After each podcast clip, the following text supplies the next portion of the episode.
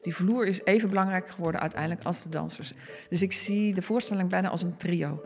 Het zijn die twee dansers die in gevecht gaan met de ondergrond waar ze op werken. En ze gebruiken elkaar daarvoor en gaan dan echt letterlijk tot het uiterste en draaien dan de wereld de binnenste buiten. Welkom bij Spring in het Diepe. In deze podcast ga ik, kunstjournalist Luc Hezen, in gesprek met makers wiens werk te zien of te beleven is op Spring in Autumn, van 27 tot en met 31 oktober 2021 in Utrecht. In deze aflevering praat ik met choreograaf Anouk van Dijk. In haar voorstelling Common Ground gaan twee dansers, Tara Jade Samaya en Gabriel Menzon, een krachtmeting met elkaar aan. Ze dagen elkaar uit, houden elkaar in evenwicht, botsen, vullen elkaars beweging aan en bevechten elkaar op zoek naar een balans.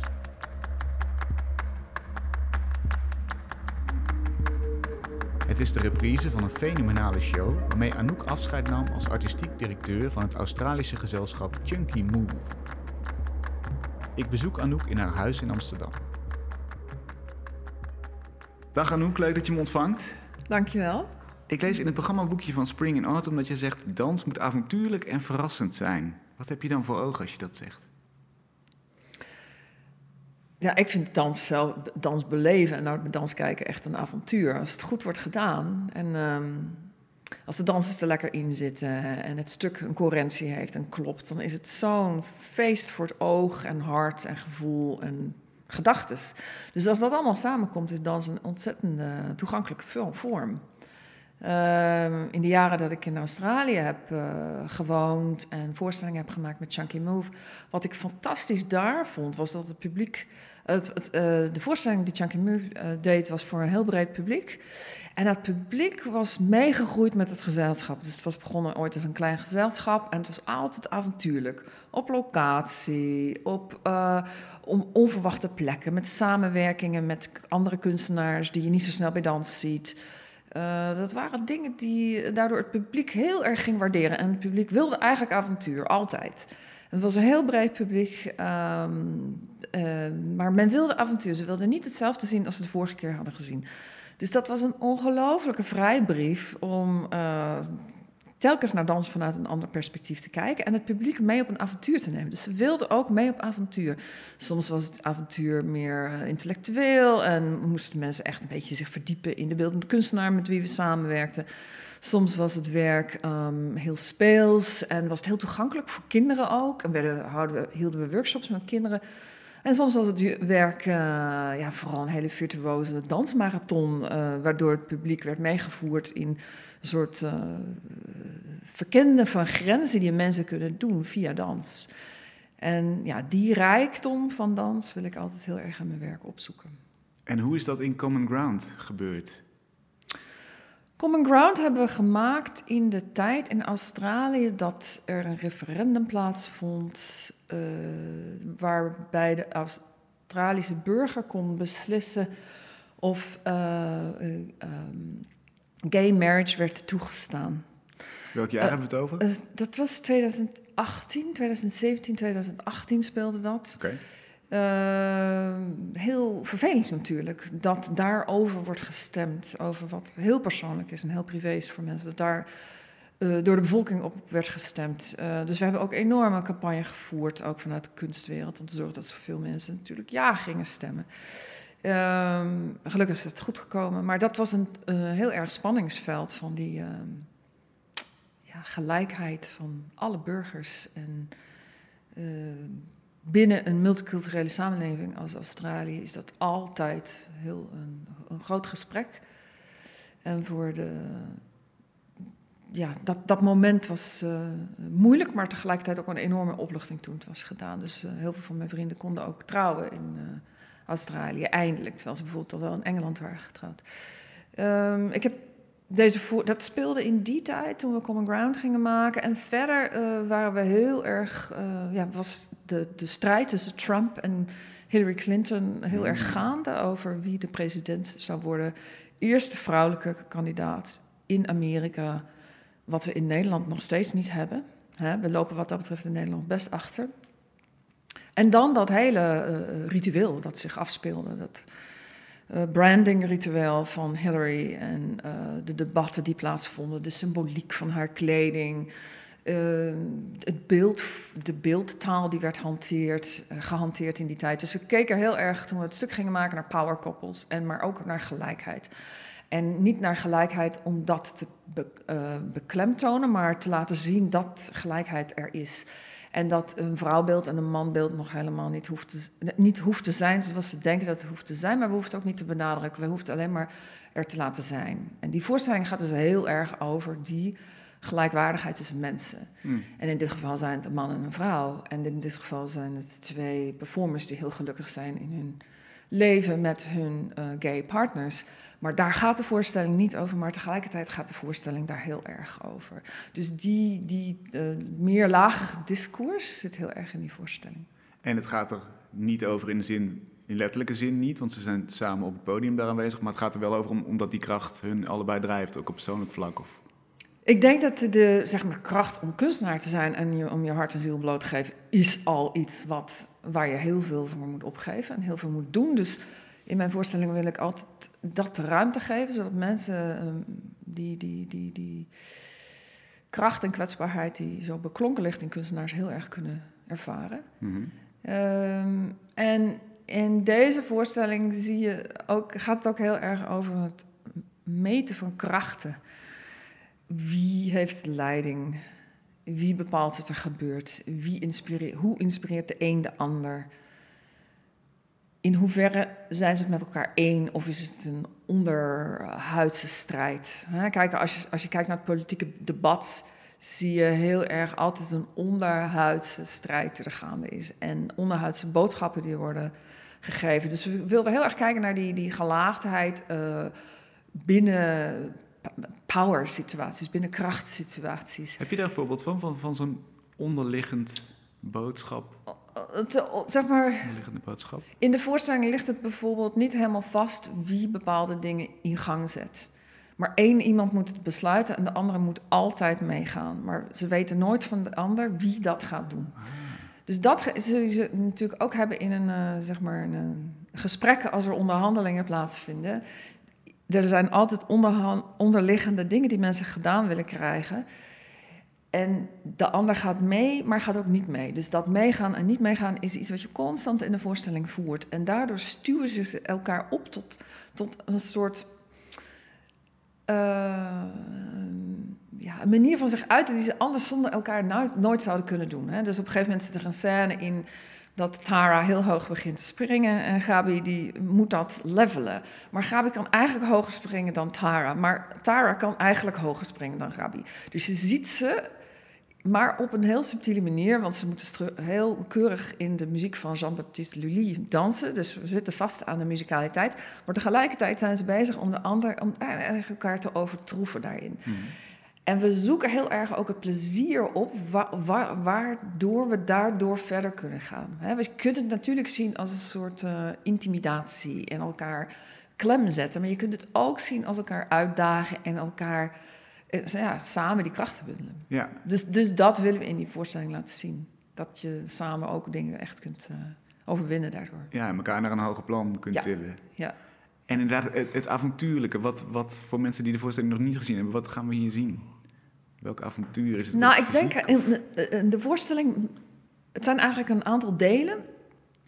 En elk deel is weer verrassend. Dat ze dan die kant op gaan en dan die kant op gaan.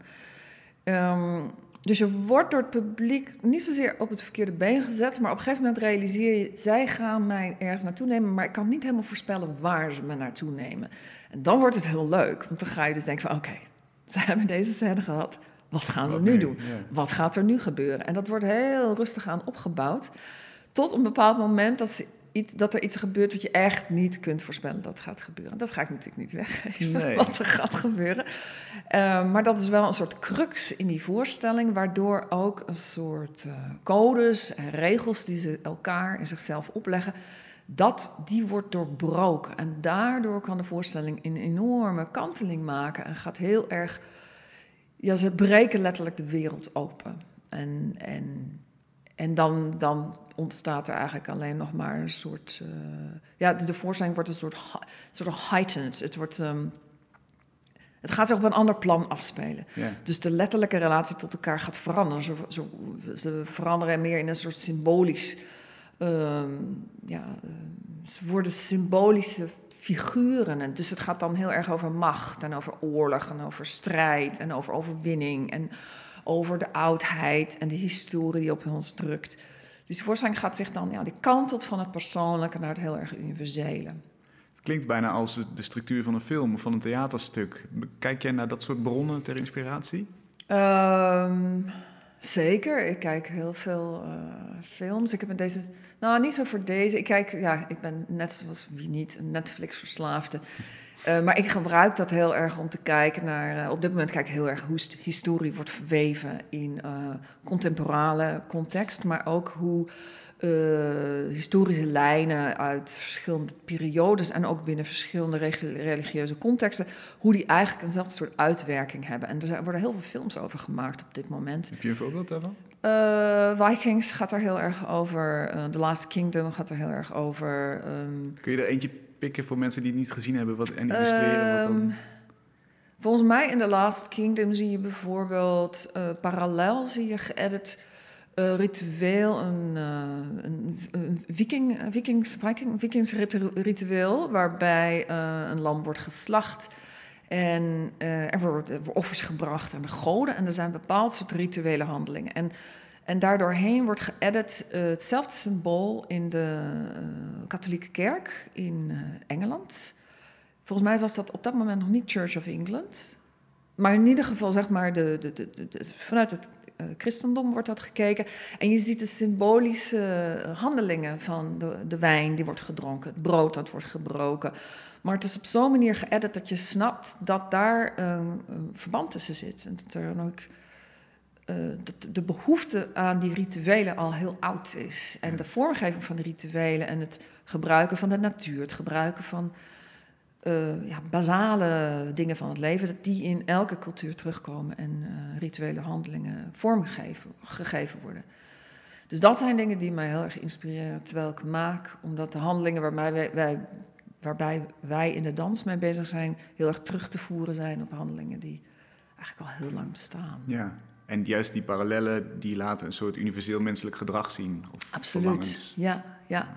En kijk, nu kijk je naar zeg maar, de Twitter-oorlog tussen Trump en, nou ja, Trump en de rest van de wereld, zeg maar, wat er toen is gebeurd. Hè?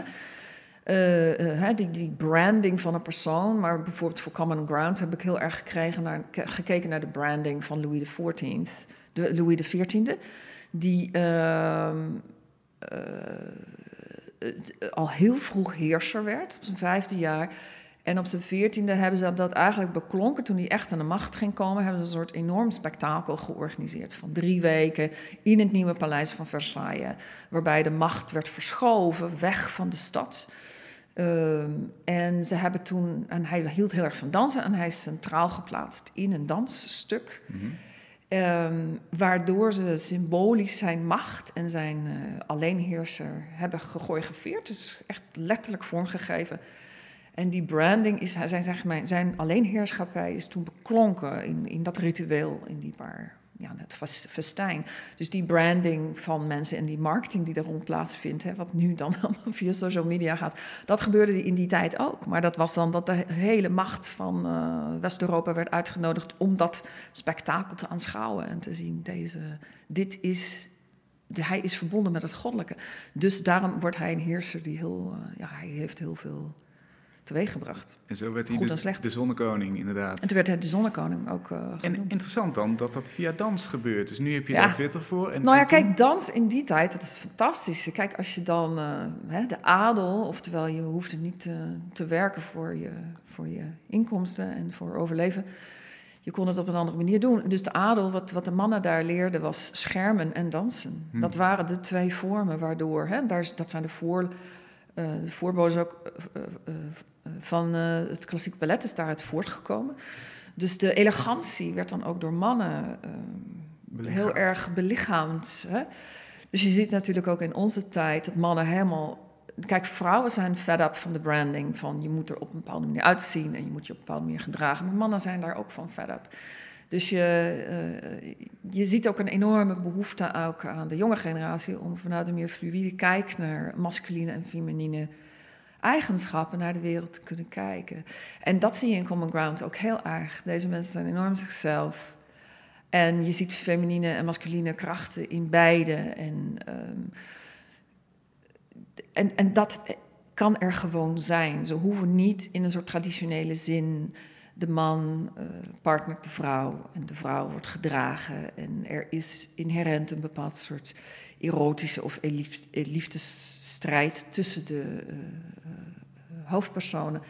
En dat, dat hoeft helemaal niet. In dans hoeft het al lang niet, maar hier wordt het heel erg uitgelicht en heel erg gewoon hun gelaat, laten zien wie ze zijn. En wij kunnen dan als publiek dan denken over van... vinden we nou eigenlijk dat hij hier sterker zou moeten zijn? Hmm. Vinden we nou eigenlijk dat zij hier zou moeten leiden? Want we gaan daar toch dingen op projecteren vanuit ons eigen... Ja, onze eigen blik die we hebben over hoe mannen en vrouwen zich ten opzichte van elkaar verhouden. Die installatie van de Zonnekoning, die dans, zijn er dingen van bewaard gebleven? Weet je hoe dat eruit ziet? Nou, ik, weet dus, ik heb een aantal documentaires daarover gezien. Uh, er zijn wat, wat beelden daarvan overgebleven, inderdaad. Er zijn wat reconstructies gedaan over hoe dat dan moet, wat, dat, wat dat moet zijn geweest. Uh, we hebben op zich dat niet letterlijk voor deze voorstelling gebruikt, maar de centrale figuur hebben we heel erg gebruikt in deze voorstelling, maar het is altijd twee. Dus er zijn altijd tweede centrale figuren. Want ik dacht toen ik die documentaire over Louis XIV zag en zijn beklonking van de macht, ik dacht, wacht, als hij nou, hè, als het Le Roi en uh, als het de, de, koning en de koningin van de zon zouden zijn geweest, wat, wat was dan, wat, wat voor beeld had dat geschapen voor macht en de rol van vrouwen binnen macht? Wat, mm. wat was er dan gebeurd? Hoe had onze westerse maatschappij zich dan verder gevormd? En wat voor beslissingen waren er dan genomen over weet je, het veroveren van uh, nieuwe gebieden, het uh, vormgeven van alle normen en waarden. Dat was dan heel anders gelopen in West-Europa. Hoe, hoe, hoe zie je dat voor je? Dat is natuurlijk speculatief, maar wat, wat denk je? En is, en is dat nog aan te passen met, met een voorstelling in onze tijd? Kunnen we daar iets bij, bij bijsturen? Nou, we, kijk, kijk, we kunnen dat niet bijsturen. We kunnen ons wel vraagtekens stellen. Hè? Je loopt een museum binnen en je hebt vraagtekens van waarom heeft de schilder de mannen en vrouwen gepositioneerd zoals ze zijn? Uh, waarom is de kleur van de kleding zoals die is? Hè, daar, daar, kunnen we nu op met een andere lens. Uh, we hebben natuurlijk daar toch wel, beginnen daar een enorme gevoeligheid voor te ontwikkelen. Uh, op een andere manier kunnen we daar naar kijken. En ehm, ons afvragen waarom is dat zo geweest. Hè? Uh, gelukkig gebeurt dat ook heel erg. En die tijd kunnen we niet terugdraaien, maar we kunnen wel een, een gevoeligheid daarover ontwikkelen en uh, daar rekening mee houden. ja, dat het je in ieder geval opvalt en dat je vanuit die positie kijkt naar wat er nu gebeurt. Ja, zeker. zeker. Het toneelbeeld is ook redelijk spectaculair, zonder al te veel spoilers te geven. Maar uh, wat had je voor ogen daar? Het, uh, kijk, ik heb voor het toneel ben, ik heel erg uitgegaan. Uh, toen begon van, oké, ik ga een duet maken met een man en een vrouw. Dacht ik in eerste instantie, waarom zou ik dat doen? Wat is daar nog over te vertellen tussen een man en een vrouw? Oh. Uh, maar tegelijkertijd ben ik toen heel erg gaan kijken van, oké, wat is de traditie van het duet binnen de danskunst? Hoe is dat vormgegeven? De, de, de performances die ik in, in gedachten had, uh, waren allebei heel sterk. Dus ik wilde die kracht uh, uh, heel erg naar voren brengen. Maar ze hadden ook allebei een soort elegantie, een soort verfijning. Verfijn, ja. dus ik wilde zowel de verfijning en de kracht en de, die, die, die, twee dingen wilde ik heel erg naar voren brengen. En ik zat nog steeds te worstelen van oké, waar gaat het dan naartoe? En toen dacht ik van ja, ik wil het ook heel erg hebben over de ceremoniële plek van de dans. Hè. De dans, het is een soort. Uh, de vloer waarop het zich plaatsvindt, ik noem dat de Holy Shrine of Dance. het is de, de, de, de heilige plek, de tempel voor de dans. En letterlijk de vloer, de, het materiaal van de dansvloer, dat zullen misschien mensen die niet zoveel van dans weten zich niet realiseren. Maar de ondergrond is extreem belangrijk voor dansen. Ze moet niet te glad zijn, het moet niet stroef zijn. Ze moeten niet uh, brandwonden krijgen als ze naar de grond gaan. Uh, als er zweet op komt, hoe hoe, uh, die ondergrond moet goed zijn. En daarvoor zijn dansvloeren ontwikkeld. Dit zijn van die vloeren die liggen dan geplakt met een tapelijn, uh, vaak op, op het toneel. En daar staat, ja, daar vragen we ons nooit, daar, staan we nooit bij stil. Nou, ik wilde juist die, die, vloer ook centraal stellen. Dat die vloer, die plek, dat was echt een soort uh, ritualistische plek. Dus die vloer is even belangrijk geworden uiteindelijk als de dansers. En, dus ik zie de voorstelling bijna als een trio. Het zijn die twee dansers die in gevecht gaan met de ondergrond waar ze op werken. En ze gebruiken elkaar daarvoor. En gaan dan echt letterlijk tot het uiterste en draaien dan de wereld de binnenste buiten. Hmm. Dus, dus we hebben drie mensen op het podium, of mensen niet, maar drie. In feite zijn er drie karakters. De vloer is er één en de, en de dansers uh, ja. ja, zijn nummer twee en drie. En er zit ook weer, uh, de verlichting is, is geweldig. Er zit een hele strenge rode omkadering omheen, soms, soms fluoriserend paars. Ja, de, ik heb samengewerkt met Paul Jackson, uh, een heel vooraanstaande lichtontwerper in Australië. We hebben verschillende voorstellingen gemaakt. Anti-Gravity, die we ook op Spring hebben gedaan, hebben we daar ook, heb ik ook met hem gemaakt. En hij heeft een heel erg dramaturgische blik op wat licht doet met de ruimte. Dus licht is op zichzelf bijna ook een soort object wat uh, een impact heeft hoe, op hoe we de performers ervaren, uh, hoe, hoe, het van heel menselijk naar heel sculptureel kan gaan, um, hoe het ook in tijdsbeeld kan verschuiven. Dus in die voorstelling krijg je ook een soort gevoel dat aan het begin lijken het bijna een soort gladiatoren waar je naar zit te kijken. Maar aan, tegen het einde zit je bijna in een schilderij. Ehm, van uh, een heel middeleeuws schilderij kom je terecht tegen het einde van de voorstelling. En dan ergens in het midden zit je bijna in een soort videogame. Dus het gaat heel erg door een soort heel ander soort gevoel van welke tijd zitten we in. Dus daar hebben we ook heel erg naar gezocht in het licht. Uh, dus het licht kleurt en verandert heel erg uh, mee met, met, met ja, de ervaringen die die dansers hebben. Dit is eigenlijk een reprise van de afscheidsvoorstelling die je bij Chunky Move deed in Australië. Ja. Wat gebeurt er nu? Want je bent weer terug in Nederland. Wat, hoe ziet de toekomst eruit? Nou, sinds die voorstelling heb ik ook een aantal andere voorstellingen gemaakt. er zijn er ook een aantal nog niet in première gegaan. Uh, dus ik ben uh, druk bezig met voorstellingen, meer internationaal. grote samenwerkingen ben ik mee bezig. er komt in, in, Zweden een grote voorstelling uit die ik samen met Teun Mosk, Mosk maak en Jessica Helbach. Um, in samenwerking met een uh, symfonieorkest en een groot kinderkoor. En de dansers van Skånes Danstheater. Dus dat is een hele grote voorstelling, komt aan het eind van het jaar uit. En die gaat eigenlijk door op mijn interesse in die historische blik.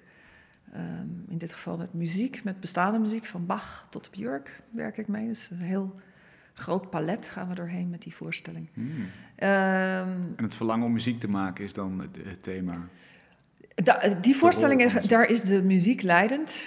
Dat is heel erg belangrijk. En de historische context van de muziek. We beginnen met een uh, man en we eindigen met een vrouw. Dus ik ben ook in die voorstelling heel erg bezig met het masculine en feminine. Uh, dus ik werk eigenlijk in die voorstelling door, uh, in waarmee ik met Common Ground ben begonnen, maar in een veel groter kader. daar ben ik ook in geïnteresseerd, om van die grote kaders te bekijken, instituten te bekijken en van daaruit ook met meer dansers dan daar stem en kleur aan te geven. Dus daar ben ik mee bezig. Uh, ik heb een filminstallatie gemaakt uh, met uh, beeldend kunstenaar Ian Strange. Die moet nog in première gaan. Um, Gaat die te zien zijn in Nederland? Ik hoop het, ja. Ja, dat hoop ik wel. Enig idee waar? ik ben nog in gesprek met een aantal mensen. Ja. Musea of, of wat voor plekken? het liefst, er is een soort live versie van deze voorstelling die ik heel erg graag van de grond wil krijgen. dan wordt het een meer durational performance. Uh, maar er is ook een hele mooie verfilmde versie ervan. Dus hij kan op twee manieren worden gepresenteerd. Hm. Um, ja, dus dat zijn de voorstellingen waar ik heel druk mee bezig ben. Uh, daarnaast heb ik een bewegingsmethode ontwikkeld, die heet countertechniek. Daar geven uh, op dit moment meer dan ja, rond 35 docenten over de hele wereld in les. Dus dat is ook iets wat langzaam aan het uitbreiden is en waar we grote workshops voor geven. En countertechniek in feite helpt dansers om uh, met minder pijn en meer plezier te dansen. Om kort gezegd. En het heeft heel veel navolging en dansers vinden het een hele prettige manier om in te trainen. Dus ook de dansers die je in Common Ground ziet, die uh, trainen ook in countertechniek. Om die voorstelling überhaupt aan te kunnen. Ja, en zijn er nog grote, als we iets verder weg kijken, grote dingen waar je op wil richten? Grote thema's, grote ontwikkelingen? Nou, kijk, kijk, we komen met z'n allen net uit die pandemie. Dus bepaald soort traject en denkwijzes die zijn voor, eh, denk ik, alle kunstenaars enigszins op het schop gegooid. Um, kijk, voor mij grote dingen die spelen zijn. Uh, discours met andere kunstenaars vind ik heel belangrijk. Ook met jongere kunstenaars, om hun te helpen. Um, ik wil heel graag in Nederland um, uh, teruggeven. Ik heb natuurlijk heel veel uit Nederland gehad. Ik heb heel lang in het buitenland gewerkt. Um, ik heb heel veel geleerd over hoe de wereld in elkaar zit en hoe we naar de wereld kunnen kijken. Um, dus ik hoop veel uh, ook met jonge kunstenaars te gaan samenwerken daarin. Uh, jonge kunstenaars te begeleiden. in voorstellingen de oudere generatie en de hele jonge generatie bij elkaar te zetten, met elkaar in gesprek te laten gaan. Dus ik wil graag intergenerational voorstellingen gaan maken nu. En ja, ook helpen andere kunstenaars uh, ja, hun eigen stem te leren vinden. Ja. En vooral in Nederland de komende jaren? Vooral in Nederland, ja. Vooral, vooral in het Nederlands. Ik denk dat het Nederlands enorm rijk um, er heeft een enorme discours, maar soms heb ik het gevoel dat de Nederlandse kunstenaar zelf een beetje in het gedrang komt. Dus ik wil heel graag uh, helpen een nieuwe generatie Nederlandse kunstenaars een hart om erin te steken en uh, te zorgen dat ze risico durven te nemen en op avontuur gaan. Fijn, welkom terug. Dankjewel, ik vind het leuk om terug te zijn. Dank je. De voorstelling Common Ground is te zien tijdens Spring in Autumn, dat plaatsvindt van 27 tot en met 31 oktober 2021 in Utrecht. Kijk op springutrecht.nl voor de exacte tijden en locatie.